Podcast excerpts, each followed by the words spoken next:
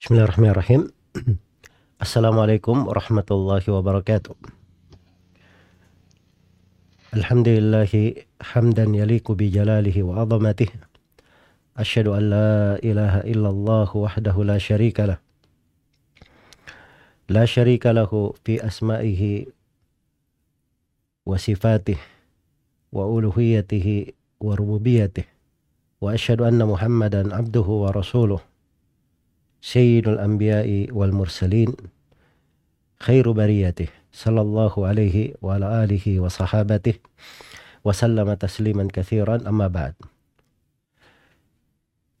uh, kawan-kawan sekalian hadirin dan hadirat rahimani wa rahimakumullah Alhamdulillah suatu kebahagiaan untuk saya di siang hari ini. Dalam kajian online ini kita berjumpa di dalam sebuah ketaatan salah satu dari amalan yang paling afdal dan salah satu warisan dari Nabi Shallallahu Alaihi Wasallam yang paling luhur. Semoga Allah Subhanahu Wa Taala menganugerahkan kepada kita semua ilmu yang bermanfaat amalan yang salih dan melipat gandakan pahala untuk semuanya. Dan saya berterima kasih kepada kawan-kawan yang menjadi sebab terselenggaranya acara ini. Semoga Allah Subhanahu wa taala melipat gandakan pahala untuk semuanya. Memang keseriusan seorang hamba terhadap agamanya dan perhatiannya terhadap kondisi hatinya, bagaimana hati itu selalu disirami dengan ilmu, selalu dibimbing dengan hal yang dicintai dan diridhai oleh Allah Subhanahu wa taala. Itu adalah tanda kebaikan dan tanda taufik dari Allah Subhanahu wa taala untuk seorang hamba. Karena Allah Subhanahu wa taala berfirman, "Faman yuridillahu yashrah sadrahu lil Islam." Barang siapa yang Allah subhanahu wa ta'ala menghendaki hidayah untuknya, maka Allah akan lapangkan dadanya dengan keislaman. Karena itu suatu hal yang sangat kita syukuri dan kita sangat bergembira kalau kita selalu berada di dalam aktivitas yang terkait dengan ilmu. Di dalamnya kita membaca ayat-ayat Al-Quran, hadis-hadis Rasulullah Sallallahu Alaihi Wasallam, mengkajinya, berusaha untuk memahaminya, dan berusaha untuk mengamalkannya di dalam kehidupan kita. Dan tema kita di siang hari ini, siang hari ini waktu Indonesia, di sore hari ini waktu teman-teman sekalian, adalah tentang takwa. Dari tema ayat watazawwadu fa inna khairaz zadi taqwa. Dan ambillah perbekalan. Sesungguhnya sebaik-baik bekal itu adalah ketakwaan. Nah ini tema pilihan dari teman-teman sekalian. Tema yang sangat penting dan saya anggap itu taufik dari Allah Subhanahu wa taala, hidayah untuk teman-teman sekalian memilih dari tema ini. Karena pentingnya tema ini dalam kehidupan kita dan besarnya pengaruh takwa untuk keselamatan seorang hamba di dunia dan di akhirat. Nabi Shallallahu Alaihi Wasallam berkata kepada atau Allah Subhanahu wa taala memerintahkan kepada kaum muslimin yang melakukan ibadah haji. Watazawwadu dan berbekallah kalian. Fa inna khairaz zadi at-taqwa. Sungguhnya sebaik-baik bekal adalah ketakwaan. Diperintah untuk berbekal dengan takwa padahal mereka adalah kaum muslimin dan muslimat agar supaya mereka selalu bertambah keimanan dengan ketakwaan dan bertambah amalan salih. Karena takwa itu adalah kalimat yang mencakup segala kebaikan untuk seorang hamba di dunia dan di akhirat. Akan datang nanti insya Allah ta'ala kita akan definisikan apa yang disebut dengan takwa ini. Jelas ayat ini adalah ayat yang harusnya selalu berada di hati kita semua. Karena kita diperintah berbekal. Watazawwadu, berbekallah kalian semua. Itu perintah namanya. Dan perintah itu menunjukkan makna wajib. Walaupun sebagian ahli tafsir menjelaskan bahwa ayat ini kaitannya berbekal untuk haji dan memang dia di konteks pembahasan haji. Namun frasa dari ayat ini, kalimat-kalimat pada ayat itu berlaku umum.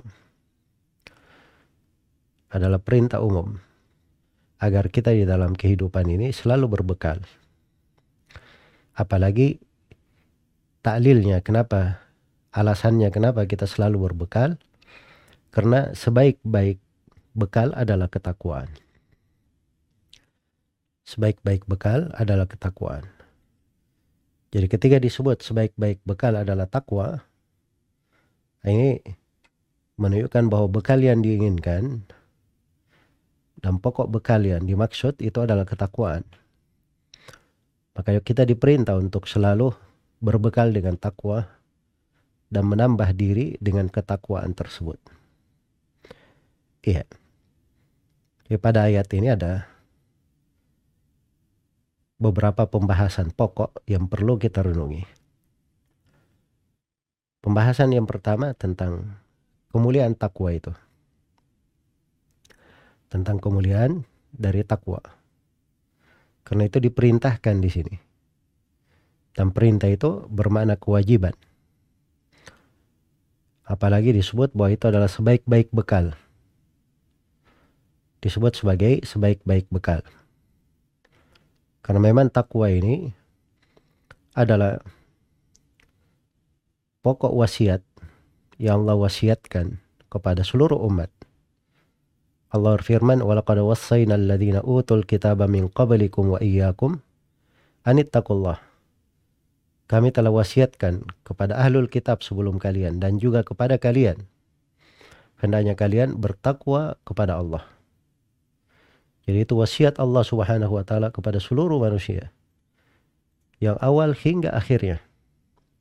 Hingga kita umat Islam ini sebagai umat yang terakhir. Dan kemuliaan seseorang yang meninggikan derajatnya itu adalah dengan ketakwaan. Inna akramakum indallahi atqakum. Sungguhnya yang paling mulia di antara kalian adalah orang yang paling bertakwa dan seorang itu meraih kedudukan sebagai wali Allah dengan ketakwaan. Ala inna awliya Allahi la khawfun alaihim wa la hum yahzanun.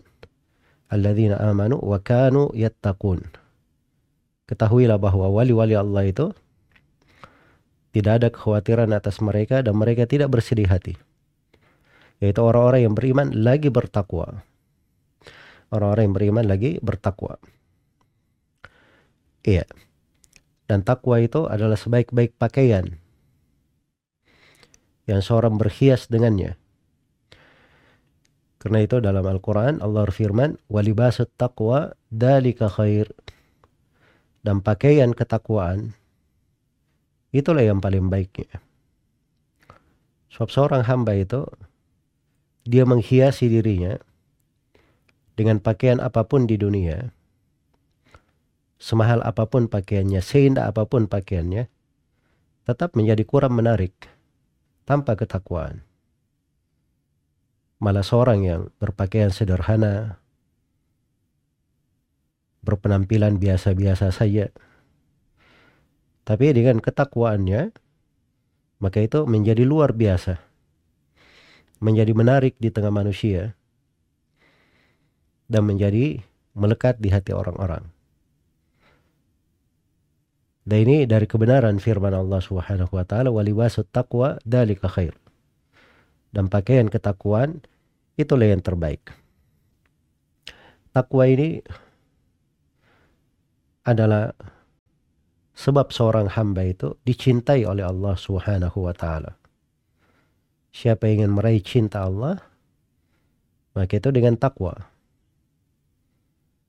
Karena itu dikatakan di dalam banyak tempat fa innallaha yuhibbul muttaqin. Sungguhnya Allah cinta kepada orang-orang yang bertakwa.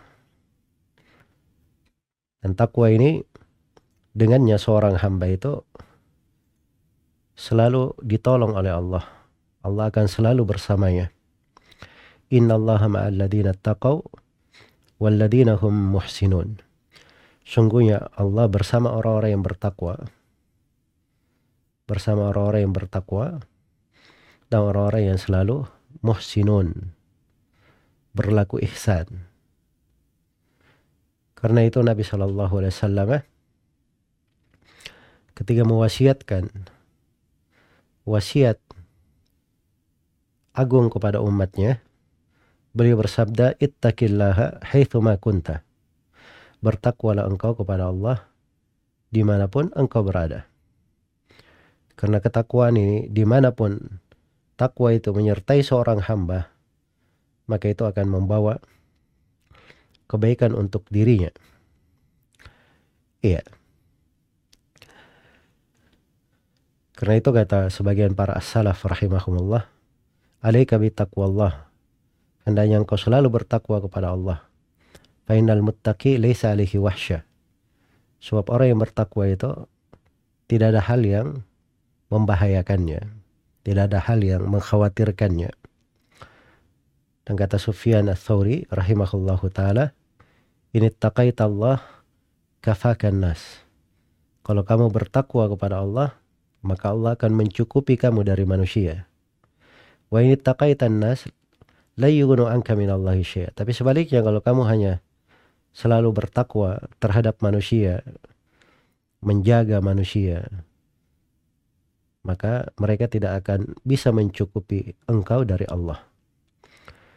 Maka di atas makna dan pentingnya serta urgensi dari takwa ini, Rasulullah Shallallahu Alaihi Wasallam dari doa yang beliau ajarkan Allahumma ati nafsi taqwaha wa zakkiha anta khairu man zakkaha anta waliyuha wa maulaha Ya Allah berilah diriku ini berilah jiwaku ini ketakwaannya wa zakkiha dan sucikanlah diriku ini engkau adalah sebaik-baik yang mensucikannya engkau adalah walinya dan maulanya engkau yang melindunginya, yang memilikinya, dan kau pula yang selalu menuangkan kepadanya kebaikan, pertolongan, dan segala hal yang dia perlukan. Iya. Maka ini ayat watazawwadu fa khairaz zadit taqwa menjelaskan kepada kita urgensi dan kedudukan takwa itu. Besarnya peranan dari takwa. Iya.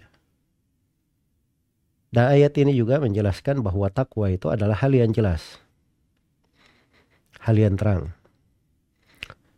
Karena itu dikatakan watazawwadu fa inna khairaz zadit taqwa. Berbekallah kalian, sungguhnya sebaik-baik bekal itu adalah takwa. Wattaquni ya ulil albab. Maka selalulah kalian bertakwa kepadaku. Wahai orang-orang yang memiliki hati, memiliki akal memiliki akal. Ini menunjukkan bahwa takwa itu adalah suatu hal yang jelas, terang.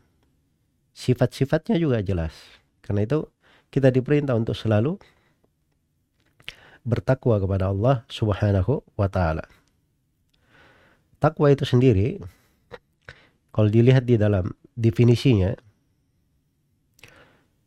itu berputar pada makna berputar pada satu uh, hal berputar kepada suatu hal yang bisa kita pahami bahwa takwa itu adalah seorang hamba mengambil pelindung yang membentenginya, yang menghindarkannya dari kemurkaan Allah dan siksaan Allah.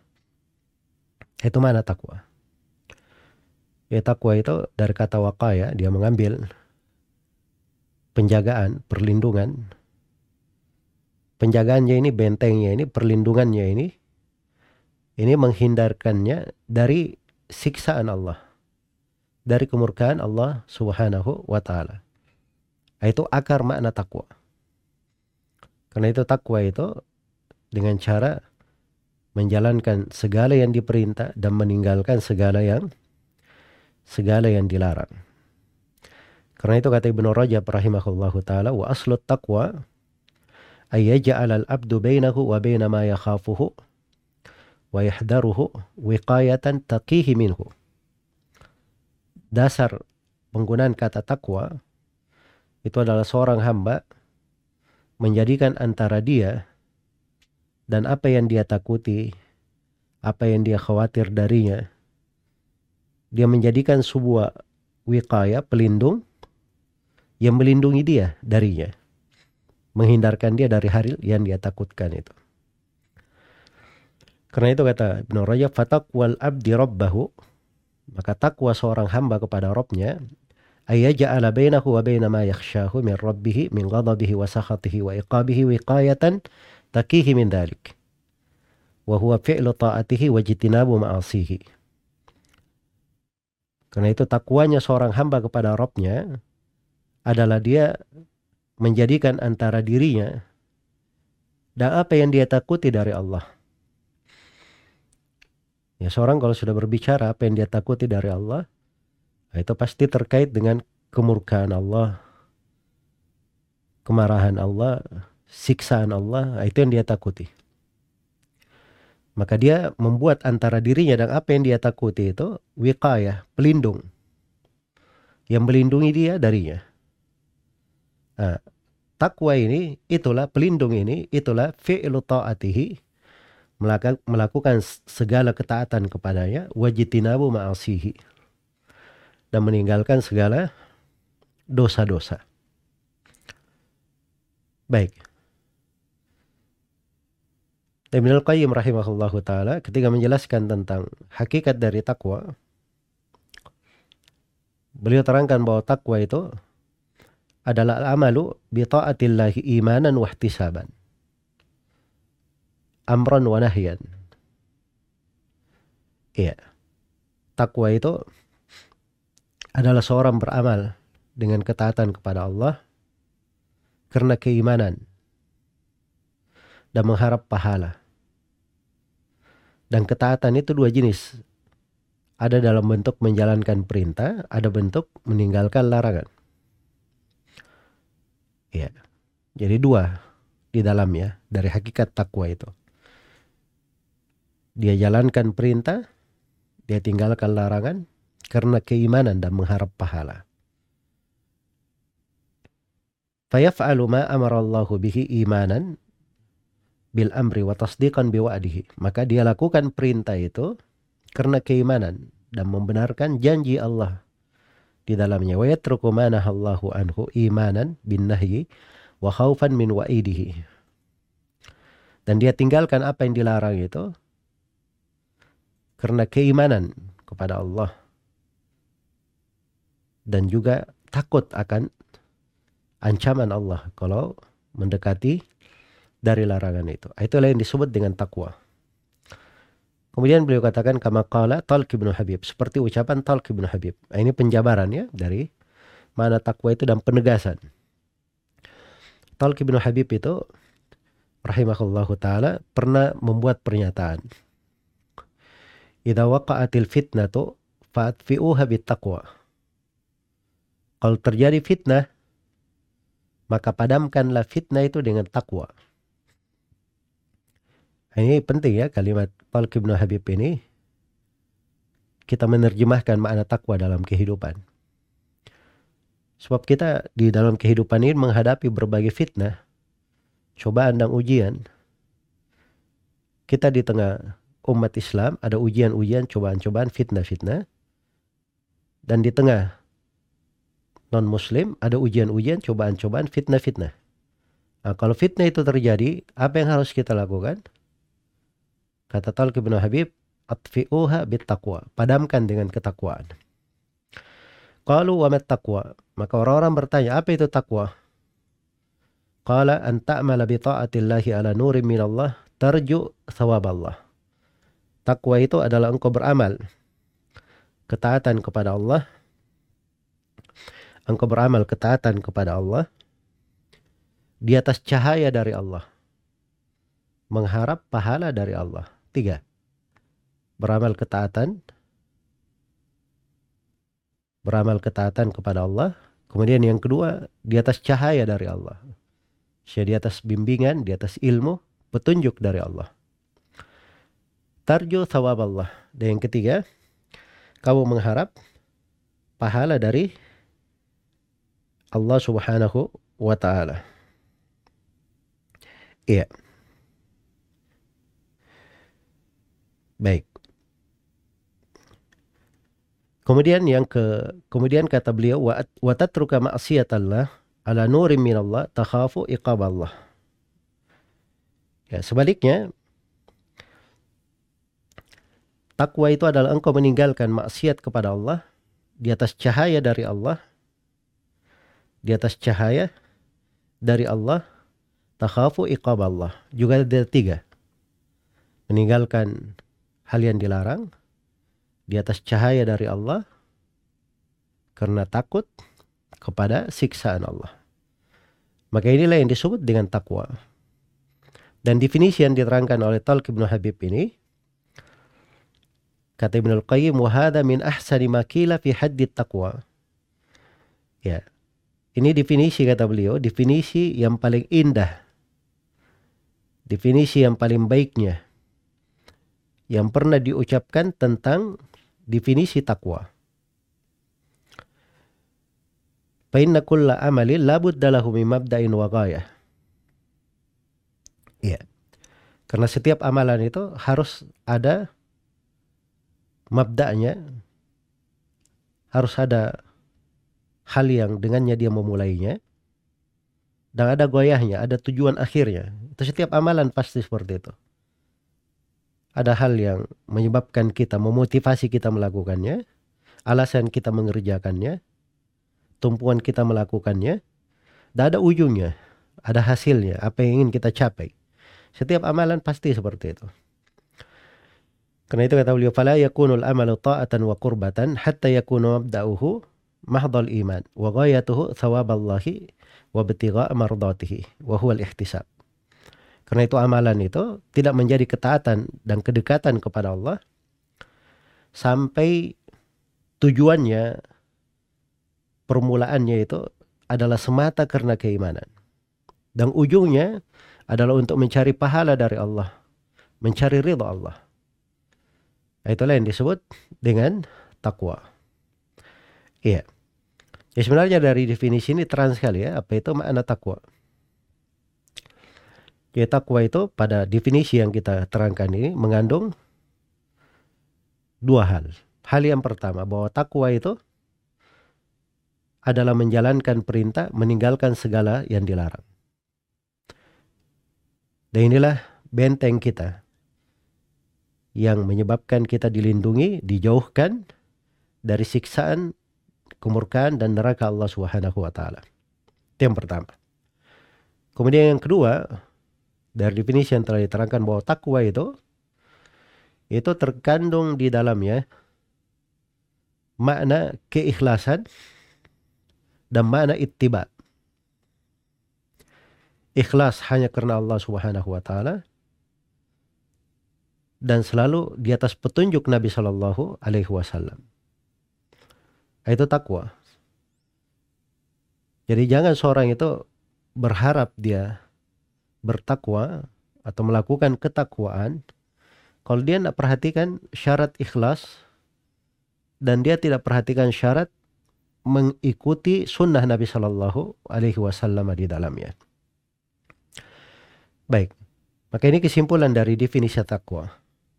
Baik, kita pertajam sedikit dengan definisi dari Abdullah bin Mas'ud radhiyallahu taala anhu. Ketika beliau membaca ayat ya ayyuhalladzina amanu taqullaha haqqa tuqatih wa la tamutunna illa wa antum muslimun. Wahai orang-orang yang beriman, Bertakwalah kepada Allah dengan sebenar-benar takwa. Dan jangan sekali-sekali kalian meninggal kecuali sebagai seorang muslim. Apa artinya di situ ya? Wahai orang-orang yang beriman bertakwalah kepada Allah dengan sebenar-benar takwa. Kata Ibnu Mas'ud radhiyallahu taala anhu, ayyuta'a fala yu'sa. Yaitu dilakukan ketaatan kepada Allah, tidak dilakukan maksiat terhadapnya.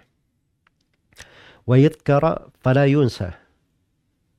Allah selalu diingat, tidak pernah dilupakan. Wa yushkaru atau wayushkara fala yukfar dan selalu disyukuri dan tidak dikufuri. Selalu disyukuri dan tidak dikufuri.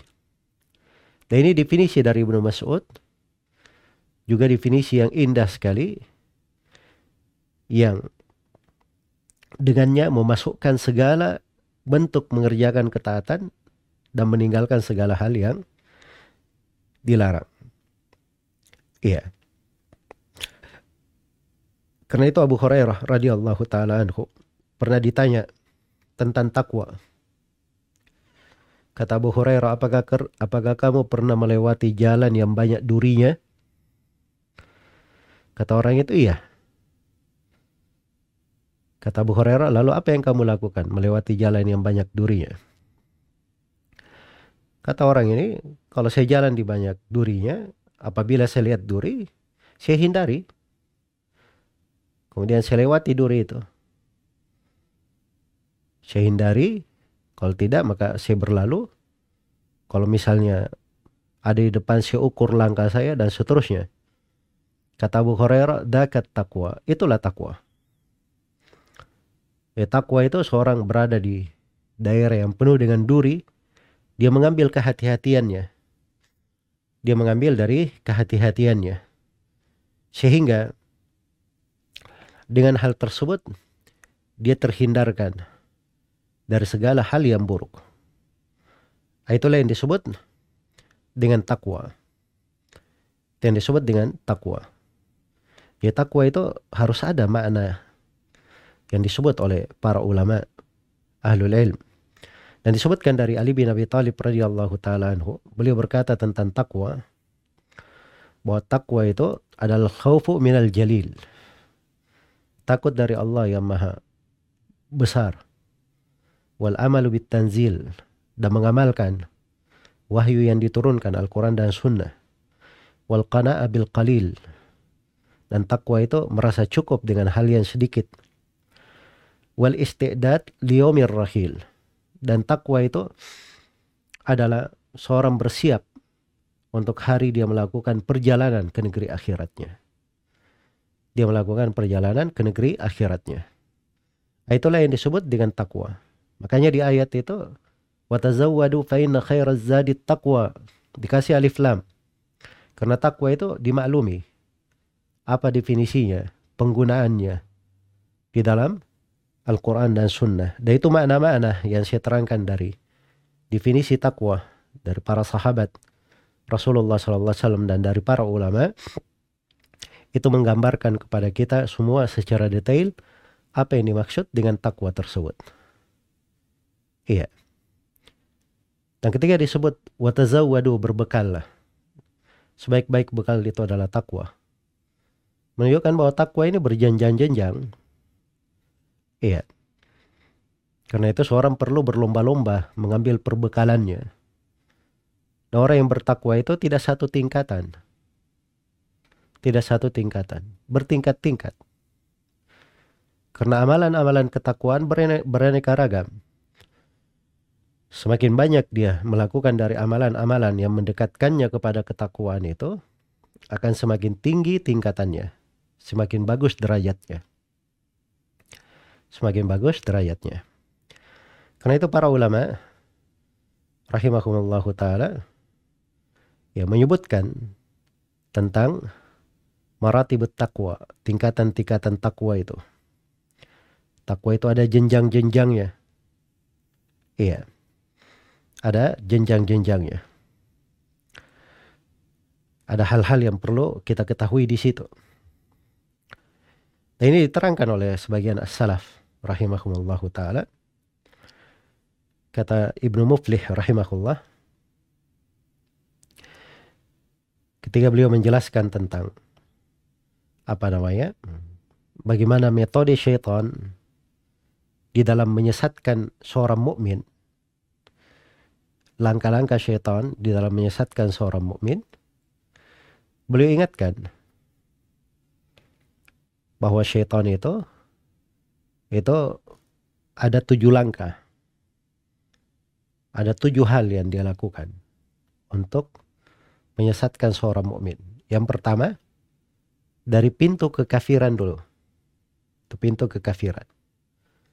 Kalau seorang mukmin selamat dari sini, maka dia ke langkah yang kedua. Dari pintu bidah. Kalau dia selamat dari bidah, maka pintu yang ketiga. Dosa-dosa besar. Kalau selamat dari dosa-dosa besar, maka pintu yang keempat dosa-dosa kecil. Kalau selamat dari dosa-dosa kecil, maka di pintu yang kelima, di dalam hal-hal yang mubah, dibuat dia sibuk dengan yang mubah sehingga dilalaikan dari ketaatan. Dilalaikan dari ketaatan. Iya. Atau sebelumnya ada pintu makruh ya. Sebelumnya ada pintu makruh, itu yang kelima. Kemudian yang keenam, pintu yang mubah. Yang mubah ini membuat dia dilalaikan dari ketaatan. Kalau dia selamat, maka itu pintu yang ketujuh. Iya. Pintu yang ketujuh. Terus saya ulang ya dari tertibnya uh, Ibnu Muflih. Yang pertama, pintu kekafiran yang kedua pintu bidah, yang ketiga pintu dosa besar, yang keempat pintu dosa kecil, yang kelima pintu dari hal yang mubah melalaikan dia dari ketaatan. Yang keenam pintu uh, amalan-amalan. Dia disibukkan dengan amalan-amalan tidak afdal. Sehingga melalaikan dia dari hal yang afdalnya. Melalaikan dia dari hal yang lebih utamanya. Iya. Ini pintu agak agak tipis ya. Nanti kita akan terangkan lebih jelas insya Allah. Kemudian yang ketujuh, kalau dia selamat dari enam ini, maka syaitan pasti akan menyebabkan wali-walinya, orang-orang kafir, para syaitan dari kalangan jin dan manusia, orang-orang yang menyimpan jalannya, untuk memusuhi orang yang bertakwa ini. Nah, itu tujuh trik syaitan di dalam menyesatkan manusia. Dalam menyesatkan manusia. Maka dari sini diambil bahwa takwa itu ada tingkatan-tingkatan yang harus kita lalui. Ya karena itu tingkatan yang paling pokok dari ketakwaan dan ini awal kewajibannya. Takwa itu adalah dia menghindari kekafiran dan kesyirikan. Ya, diambil dari benteng yang menghindarkan dia dari kesyirikan dan kekufuran. Itu pokok dari takwa. Dan tingkatan pertamanya. Ya, dan itu adalah awal kewajiban. Karena itu awal perintah dalam Al-Quran. Ya ayuhan nasu budu rabbakum alladhi khalaqakum. Wahai orang-orang yang beriman, beribadalah kalian kepada Rabb kalian yang mencintai, yang menciptakan kalian. Dan awal larangan di dalam Al-Quran, فَلَا تَجْعَلُوا لِلَّهِ أَنْدَادًا وَأَنْتُمْ تَعْلَمُونَ Jangan kalian menjadikan untuk Allah tandingan-tandingan sementara kalian mengetahuinya. Nah, ini pokok dari takwa. Pokok dari ketakwaan. Iya. Dan ini tingkatan yang pertama ya. Kemudian tingkatan yang kedua dari tingkatan takwa adalah meninggalkan bid'ah-bid'ah hal-hal yang menyelisih jalan Rasulullah Sallallahu Alaihi Wasallam. Sebab hal-hal yang menyelisih jalan Nabi Sallallahu Alaihi Wasallam ini dari perkara yang sangat dicintai oleh syaitan. Lebih dicintai dari dosa besar dan maksiat. Karena orang yang berdosa besar, orang yang bermaksiat, kalau dia seorang muslim, itu insya Allah lebih gampang untuk bertobat sebab dia tahu dirinya salah. Dia minum khamar, dia tahu minum khamar itu haram. Dia mencuri, dia tahu mencuri itu haram. Berzina, dia tahu itu haram. Ketika Allah beri hidayah, dia bertobat mudah, dia bertobat. Tapi pelaku bid'ah, dia menganggap dirinya benar. Oh ini amalan saya nggak ada masalah, bagus malah. Bagaimana dia bisa bertobat?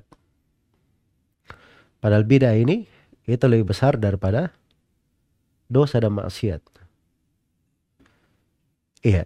Dan ini disebut oleh Syekhul Islam Ibn Taimiyah adalah hal yang disepakati oleh para ulama. Tidak ada silam pendapat.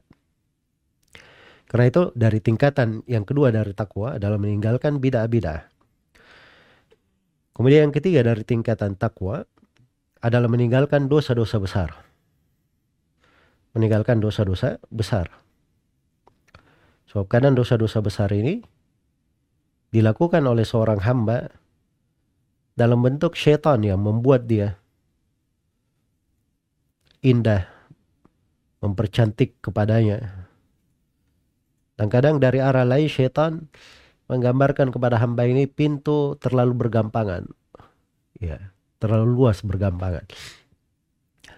Akhirnya dia masuk di dalam dosa-dosa besar itu. Kemudian yang keempat dari takwa adalah tingkatan takwa meninggalkan dosa-dosa kecil. Meninggalkan dosa-dosa kecil. Iya. Karena syaitan itu kalau seorang sudah meninggalkan dosa-dosa besar, seorang mukmin menjauhinya, maka dia beri dari dosa-dosa kecil, diarahkan ke situ. Dibuat dia bergampangan dari hal tersebut. Akhirnya dari dosa-dosa kecil ini membawanya kepada hal yang besar. Karena itu para sahabat Nabi Shallallahu Alaihi Wasallam itu itu menganggap dosa itu masalah berbahaya sekali. Beda dengan orang yang datang setelah mereka. Anas bin Malik radhiyallahu taala anhu pernah berkata kepada manusia di masanya, Kata beliau, innakum ta'maluna amalan hiya adakku fi a'yunikum minasy-sya'r. Wa in kunna la na'udduha ala ahdi Rasulillah sallallahu alaihi wasallam minal mubiqat. Diriwayatkan oleh Al-Bukhari dari Anas bin Malik radhiyallahu taala. Beliau berkata, sungguhnya kalian ini melakukan amalan-amalan di mata kalian lebih tipis dari rambut. Kalian anggap kecil lebih tipis dari rambut, ringan. Tapi sungguh kami di masa Rasulullah SAW menganggap amalan itu termasuk hal yang menghancurkan. Tapi Ibnu Mas'ud radhiyallahu taala anhu menyebutkan bahwa kaum munafikin itu mereka melakukan hal-hal dari dosa-dosa itu seperti apa namanya? lalat berlalu depannya, dia cuma ginikan saja, sepele. Tapi seorang mukmin itu dianggap seperti gunung-gunung yang akan menimpa dirinya. Nah, itu takwa namanya. Nah, itu ketakwaan. Kemudian tingkatan yang, lima, yang kelima dari takwa adalah seorang hamba meninggalkan hal-hal yang mubah, perkara-perkara yang dibolehkan, tapi bisa menyeretnya ke dalam hal-hal yang dilarang. Ada hal-hal yang mubah, tapi bisa menyeretnya kepada hal yang dilarang. Misalnya sebagian media yang dipakai. Ada hal yang mubah, boleh. Tapi bisa menjatuhkannya ke dalam hal yang diharamkan. Melihat kepada hal-hal yang diharamkan. Mendengar kepada orang-orang ahlul bid'ah. Orang-orang yang sesat pemikirannya. Itu kan hal-hal yang diharamkan namanya. Itu bukan sifatnya orang-orang yang beriman. Iya. Jadi hal-hal yang mubah itu dari bentuk ketakwaan kadang dihindari. Karena khawatir menjatuhkan ke dalam hal yang dilarang. Kemudian yang keenam dari bentuk takwa juga. Ya. Dia menghindari untuk lebih mengutamakan amalan yang tidak afdal. Amalan yang kurang utama. Jangan sampai amalan yang kurang utama ini menyeret dia kepada hal yang menelantarkan dari sunnah-sunnah dan kewajiban-kewajiban. Iya. Ini dari perkara yang perlu diperhatikan. Contoh misalnya, ini contoh sederhana ya dalam sholat. Kita masuk sholat misalnya Allahu Akbar, sholat Syria ya. Ya. Kita masbuk, imamnya sudah mulai.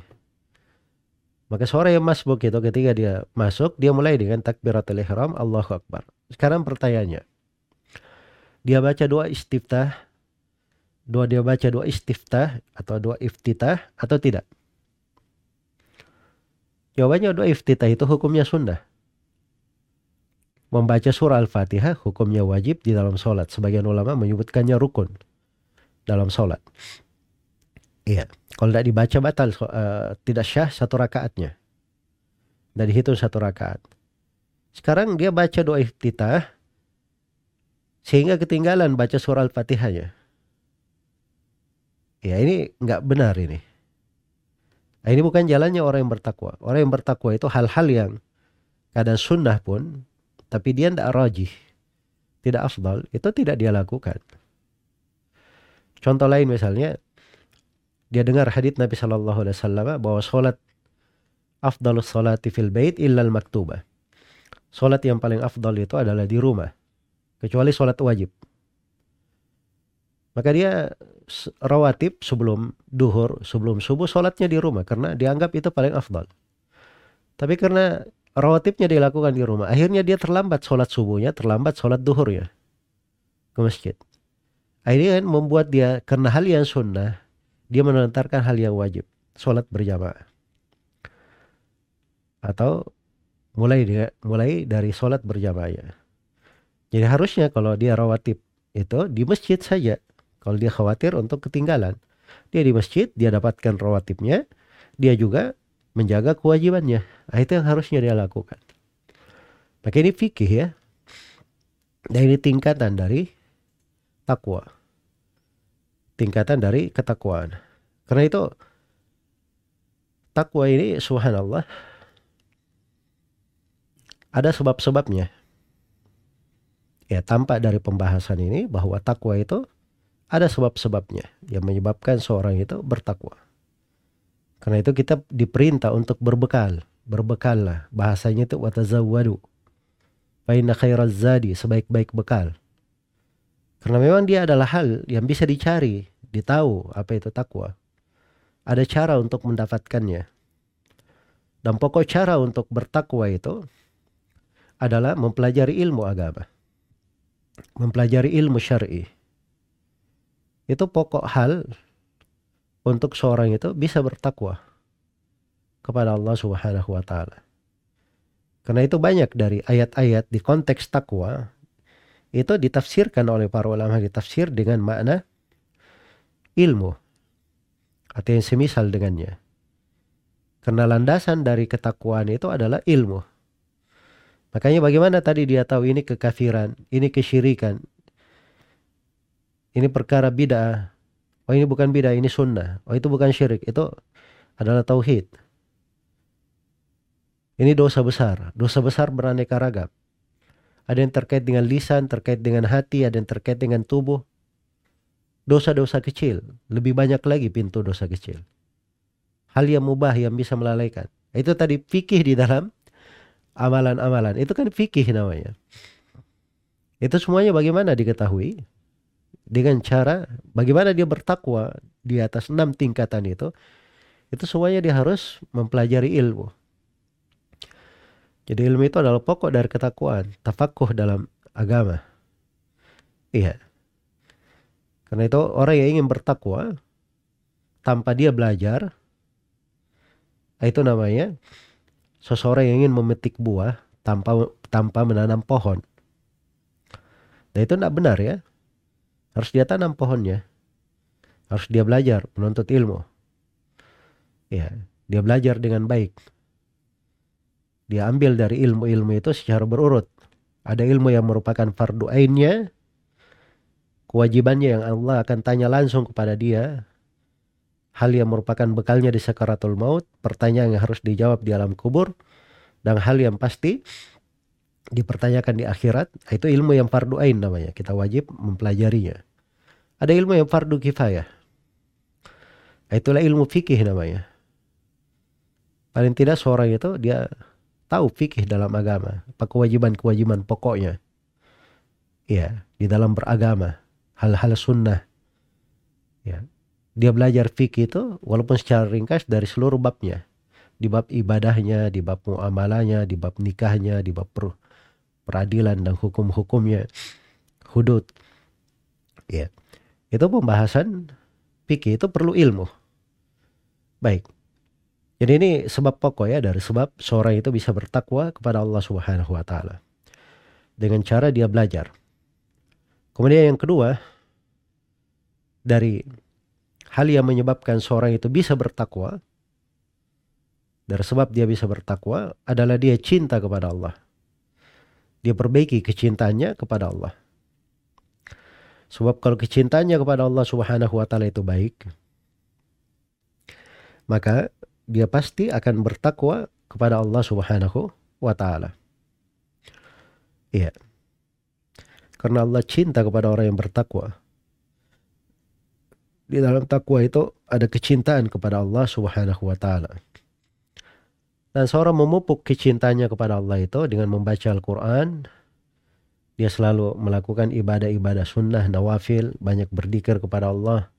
Mempelajari dari Asma'ul Husna, selalu dia lihat nikmat-nikmat dan karunia Allah pada dirinya. Dia duduk dengan orang-orang salih. Meninggalkan segala sebab yang memisahkan hatinya dari Allah subhanahu wa ta'ala. Itu di antara sebab-sebab yang menyebabkan seorang itu cinta kepada Allah subhanahu wa ta'ala. Kemudian yang ketiga dari sebab yang menyebabkan seorang itu bertakwa adalah dia selalu merasa diawasi oleh Allah Subhanahu wa taala. Dan ini jenjang ihsan namanya. Nabi sallallahu alaihi wasallam bersabda, "Ta'budallaha ka'annaka tarah, fa illam takun tarahu fa innahu yaraka." Engkau beribadah kepada Allah seakan-akan engkau melihat Allah. Kalau tidak mampu seperti itu, maka ketahuilah bahwa Allah melihatmu. Jadi dia menghadirkan Allah Subhanahu wa taala selalu melihatnya. Dia malu dari robnya melakukan maksiat. Dia malu terlihat malas. Diberi nikmat hidup. Tidak dia gunakan dengan baik.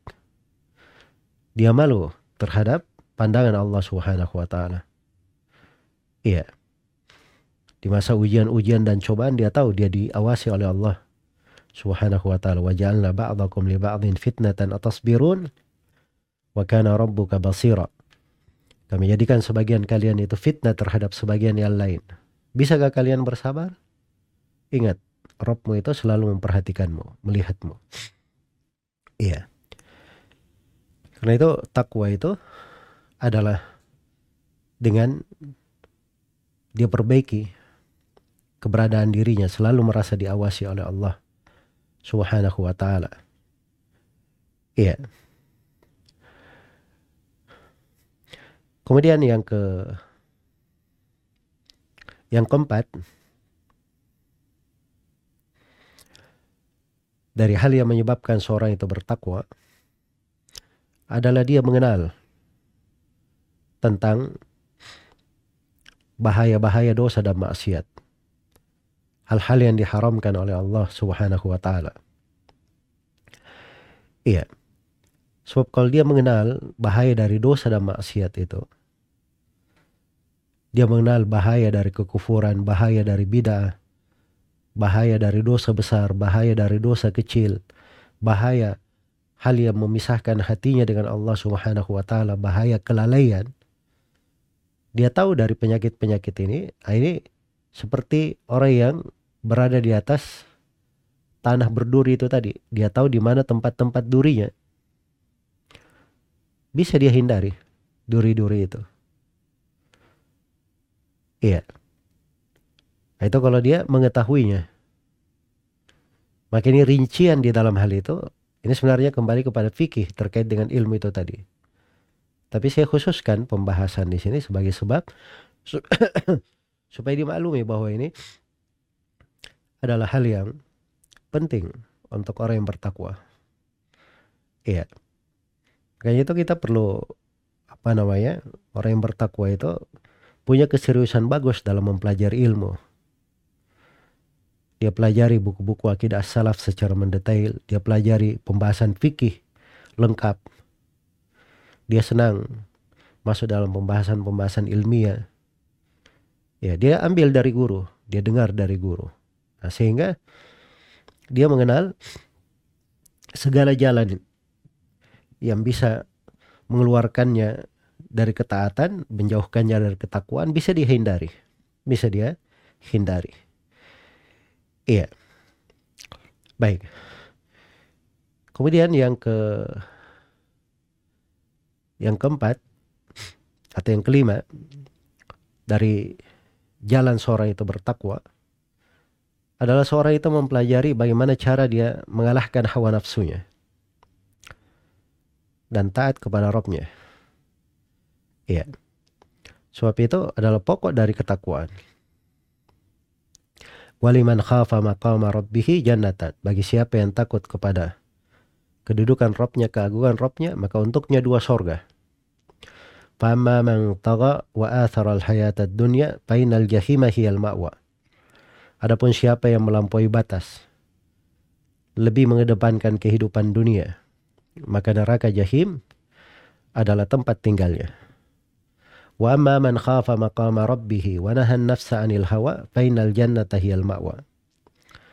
Adapun siapa yang takut kepada kedudukan Rabbnya dan selalu menahan dirinya dari mengikuti hawa nafsu, maka sorga adalah tempat tinggalnya. Iya. Maka jiwanya ini kalau dia selalu menggemblengnya, mendidiknya, dia tidak taati hawa nafsunya, dia selalu bermaksiat kepada syaitannya, maka itulah jalannya untuk bertakwa. Dan itu perlu dia pelajari kondisi dirinya. Sebab diri ini kita yang paling tahu akan diri kita. Kalau kita tahu diri kita itu lemah, gampang terpengaruh dengan orang, maka jangan duduk dengan orang-orang yang tidak baik. Duduk dengan orang-orang yang salih. Duduk dengan orang-orang yang salih. Kalau kita tahu diri kita ini misalnya gampang terfitnah dengan perempuan, jangan dekati hal-hal yang seperti itu. Yang mendekatkan jalan yang mengantar ke sana. Kita tahu diri kita ini lemah terhadap fitnah dunia.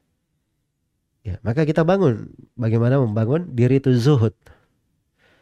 Itu posisi-posisi mengobati jiwa namanya. Ini ada tahapan-tahapannya, tingkatan-tingkatannya di dalam pembahasan ilmu.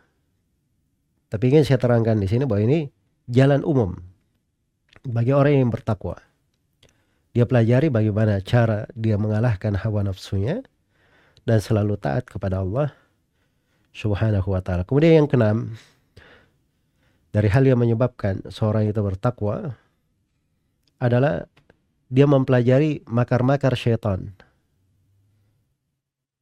dan mempelajari jerat-jerat syaitan yang bisa mencelakakannya. Saya tadi sudah sebutkan ya dari Ibnu Muflih tujuh hal, tujuh langkah syaitan di dalam membuat seorang itu terjatuh di dalam dosa maksiat atau keluar dari ketakwaan. Iya, keluar dari ketakwaan. Dan ini pembahasan tersendiri ya. Sebab mengenal syaitan itu kita harus tahu bagaimana sifat-sifatnya, ajakannya, Terus kita harus tahu apa benteng-benteng yang melindungi kita dari syaitan itu. Nah, mempelajari hal itu juga, itu bagian dari takwa. Bagian dari takwa. Iya. Sebagaimana kalau kita membaca dikir-dikir, wirid-wirid, yang dituntunkan untuk menghindarkan dari syaitan, maka itu bagian dari takwa. Misalnya seorang membaca A'udzubillahi rajim, membaca tiga kul, membaca ayat kursi ketika tidur ya atau membaca surah Al-Baqarah supaya dihindarkan dari syaitan membaca dua ayat terakhir dari surah Al-Baqarah ya atau dia membaca La ilaha illallah wahdahu la syarika la lahul mulku wa lahul hamdu wa huwa ala kulli syai'in qadir 100 kali maka itu penjagaan dia dari syaitan sampai di waktu sore. Ya dan selainnya dari bacaan-bacaannya banyak hal. Banyak hal. Maka ini uh, namanya jalan seseorang itu untuk bisa bertakwa. Nah, itu jalan pokoknya. Kemudian di antara hal yang menyebabkan seorang itu jalan dia bisa bertakwa adalah dia bergaul dengan orang-orang yang salih, orang-orang yang baik. Dia jaga hal itu. Karena kesolihan orang yang baik itu itu hal yang membantu seorang di atas ketakwaan, menghindarkan dia dari hal yang dibenci oleh Allah Subhanahu wa taala. Lihat itu Ashabul Kahfi ya, anak-anak muda. Beriman. Iya. Bertujuh, yang kedelapan adalah anjing menemaninya. Mereka tinggalkan kaumnya, menjaga agamanya, ya, keluar dari negerinya, berteduh di gua, ditidurkan oleh Allah Subhanahu wa taala 309 tahun. Tanpa makan dan minum tidak berubah jasadnya tidak berubah dari pakaiannya. Ya hal yang menakjubkan. Ashabul kahfinya anak-anak mudanya jelas ya. Tapi anjingnya itu apa keutamaan si anjing ini? Dia ikut ditidurkan juga 309 tahun Kata para ulama, dia berkawan dengan orang-orang yang salih, orang-orang yang baik. Dan memang ini memang subhanallah agak indah ya. Direnungi, apalagi kita setelah penyebutan kisah sahabul Kahfi ini, datang firman Allah Subhanahu wa taala kepada nabinya, "Wasbir nafsaka ma'alladina ladina rabbahum bil gadati wal asyi yuriduna wajha." Wala ta'adu aynaka anhum turidu zinatal hayati dunya tuti man aghfalna qalbahu an dzikrina wattaba'a hawa wa kana amruhu furuta. Sabarkan diri engkau ya Nabi Muhammad bersama orang-orang yang beribadah kepada Rabbnya pagi dan petang. Mengharap wajah Allah. Dan jangan kamu palingkan kedua matamu dari mereka karena menghendaki dunia. Maka ini orang-orang yang baik, orang-orang yang salih. Iya. Sabarkan dirimu bersama mereka. Itu orang-orang salih. Apalagi kalau dia duduknya memang selalu hadir di majelis ilmu, di majelis ahlul ilm, di majelis para ulama, di majelis orang-orang yang mengajarkan ilmu. Nah, itu orang-orang yang baik yang harusnya dia jaga, diperhatikan. Nah, itu di antara jalan untuk seorang itu bertakwa. Baik itu ringkasan ya terkait dengan jalannya. Adapun sifat orang-orang yang bertakwa, di dalam ayat tidak dirinci karena orang yang bertakwa itu sudah jelas. Makanya dikatakan fattakuni ya ulil albab. Bertakwalah kepadaku wahai orang-orang yang berakal. Menunjukkan bahwa orang yang bertakwa itu ada sifat-sifatnya. Iya. Sifat-sifatnya itu diterangkan di dalam banyak tempat. Dalam Al-Quranul Karim. Ya misalnya Alif Lam Mim Dalikal kitabu la raiba fi hudal lil muttaqin alladzina yu'minuna bil ghaibi wa yuqimuna as-salata wa mimma razaqnahum yunfiqun. Itu di antara sifat mereka. Ya, petunjuk bagi orang yang bertakwa. Siapa mereka? Orang-orang yang beriman kepada yang gaib, menegakkan salat, mengeluarkan zakat. Ya, rezeki yang diberikan kepada mereka mereka infakkan. Demikian pula sifat mereka misalnya memaafkan wa in ta'fu aqrabu wa an ta'fu aqrabu taqwa. Kalau kamu memaafkan itu lebih dekat kepada ketakwaan. Demikian pula menahan dari amarah wal kadhimin al ghaid wal afina 'anil nas wallahu yuhibbul muhsinin. Orang yang bisa menahan amarahnya banyak memaafkan manusia. Demikian pula dia segera bertobat kalau jatuh dalam dosa menghindari syaitan. Innal ladzina taqau idza massahum ta'ifun minasyaitani tadhakkaru fa hum mubsirun. Sungguhnya orang-orang yang bertakwa itu apabila dia disentuh gangguan dari syaitan segera dia ingat. Maka pandangan mata mereka pun menjadi tajam. Iya dari sifat orang yang bertakwa dia mereka selalu memilih kejujuran as-sidq Asidik itu Kalau di lisan namanya jujur, berucap dengan jujur. Kalau di hati namanya kesungguhan. Kalau di badan namanya apa namanya? Uh, kalau di hati namanya ketulusan, kalau di badan namanya kesungguhan. Itu namanya sidq. Orang yang bertakwa seperti itu. Walladhi ja'a bis sidqi wa saddaqa bih. Orang yang datang dengan kejujuran, as-sidq dan membenarkannya, mereka inilah orang-orang yang bertakwa. Mereka ini orang-orang yang bertakwa. Iya. Ya ayuhalladzina amanu taqullaha wa kunu ma'as sadiqin. Wahai orang-orang yang beriman, bertakwalah kepada Allah dan jadilah kalian orang-orang yang jujur. Ini sifat orang yang bertakwa ini diterangkan di dalam banyak tempat dalam Al-Qur'an. Iya, saya hanya isyaratkan sebagiannya ya supaya menjadi materi pembahasan tersendiri yang hendaknya kita uh, selalu ingat. Ya, kita baca Al-Qur'an, kita lihat dari sifat-sifat orang yang bertakwa di situ. Dan terakhir di sini karena waktu sudah uh, melewati dari apa yang disiapkan, saya akan terangkan buah dari takwa itu. Buah dari takwa itu. Tapi ini saya hanya jelaskan uh, global saja dari buah takwa itu tanpa menerangkan dalil-dalilnya. Ya, adapun uraian dan pemaparannya ini panjangnya. Syekh Ibn Utsaimin rahimahullahu taala itu punya risalah judulnya Fawaidut Taqwa minal Qur'anil Karim. Faidah takwa dari Al-Qur'anul Karim. Dan itu beliau kumpulkan ada 117 dari manfaat takwa itu dari Al-Quran saja beliau terangkan. 117 dari manfaat takwa. Dari Al-Quran saja. Iya. Dan apa yang beliau sebutkan dari manfaat buah dari takwa itu ada yang terkait dengan kehidupan dunia, ada yang terkait dengan kehidupan akhirat. Ada yang terkait dengan dunia dan di akhirat. Adapun di dunia takwa itu adalah sebab seorang itu dilapangkan dari segala kesusahan. Dimudahkan rezekinya, dan diberi rezeki dari arah yang tidak disangka. Yang kedua takwa itu adalah sebab kemudahan pada segala perkara. Yang ketiga takwa itu adalah jalan seorang yang ingin dimudahkan dalam ilmu yang bermanfaat. Takwa itu adalah sebab seorang itu punya cahaya yang bisa membedakan antara yang hak dan yang batil. In tattaqullaha yaj'al lakum furqana. Kalau kalian bertakwa kepada Allah, Allah akan jadikan untuk kalian furqan. Allah akan jadikan untuk kalian furqan. Dan itu subhanallah sangat besar karunia dan nikmat Allah. Subhanahu wa ta'ala. Kalau kita bertakwa, Allah akan mudahkan kita. Bisa membedakan yang hak dan yang batil. Dimudahkan jalan kita belajar dari orang-orang yang benar. Iya, dimudahkan di dalam menuntut ilmu. Dari pengaruh takwa di dunia, Allah akan cintai hamba itu, dicintai oleh para malaikat dan dicintai oleh orang-orang yang berada di dunia, diterima.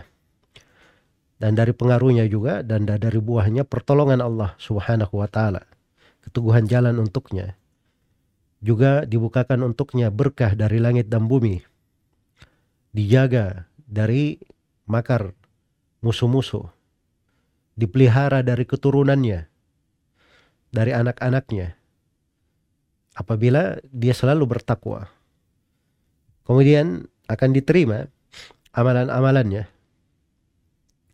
Karena Allah firman inna yataqabbalullahu minal muttaqin. Sungguhnya Allah hanya menerima ya dari orang yang bertakwa dan takwa itu sebab yang menyebabkan dari musibah dan malapetaka. Sebab yang menyelamatkan dari musibah dan malapetaka dan menyelamatkan seorang hamba dari siksaan di dunia. Iya. Karena itu disebut dari umat yang dibinasakan ya. Ada Ad, ada Samud. Kemudian disebutkan siapa yang diselamatkan. Amanu wa kanu yattaqun. Kami selamatkan orang yang beriman dan mereka selalu bertakwa. Itu sebagian dari manfaat di dunia. Adapun di akhirat, takwa itu adalah penggugur dosa-dosa. Sebab keselamatan dari api neraka. Iya. Dan sebab pahala dilipat gandakan. Takwa itu adalah sebab dia mewarisi sorga Allah Subhanahu wa taala. Karena memang Allah firman tilkal jannatul lati nurithu min ibadina man kana. Itulah sorga yang kami wariskan untuk hamba-hamba kami siapa yang selalu bertakwa. Iya. Takwa ini dengan takwa ini menyebabkan sorga itu didekatkan untuknya. Iya, didekatkan untuknya, dimudahkan dia ke sorga. Sehingga mereka dikumpulkan oleh Allah Subhanahu wa taala para penduduk sorga itu dan dimudahkan untuk masuk ke dalamnya. Ya, sorga eh, takwa itu itu menyebabkan keberuntungan untuk mereka dan kedudukan khusus. Karena itu dikatakan innal muttaqina fi jannati wa nahar fi maq'adi sidqin inda malikim muqtadir. Sungguhnya orang-orang yang bertakwa itu dalam sorga-sorga dan sungai yang mengalir di kedudukan as-sidq di sisi Allah Subhanahu wa taala yang maha mampu. Takwa itu itulah yang menyebabkan seorang itu diselamatkan pada hari kiamat dan dikumpulkan bersama orang-orang yang dia cintai. Karena semua yang kita cintai di dunia ini, hari kiamat akan terputus. Yang tersambung itu hanya orang yang bertakwa saja. Al-akhillau yawma idzin ba'duhum li ba'din adu illa al-muttaqin. Allah berfirman, orang-orang yang saling mencintai pada hari itu, sebagian dari mereka adalah musuh terhadap sebagian yang lainnya. Kecuali orang-orang yang bertakwa. Iya.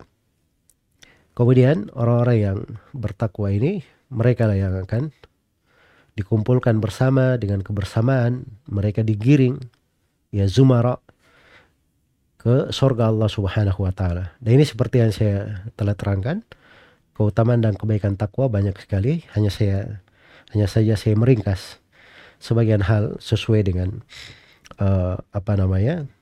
Waktu yang diberikan mudah-mudahan bermanfaat untuk kita semua.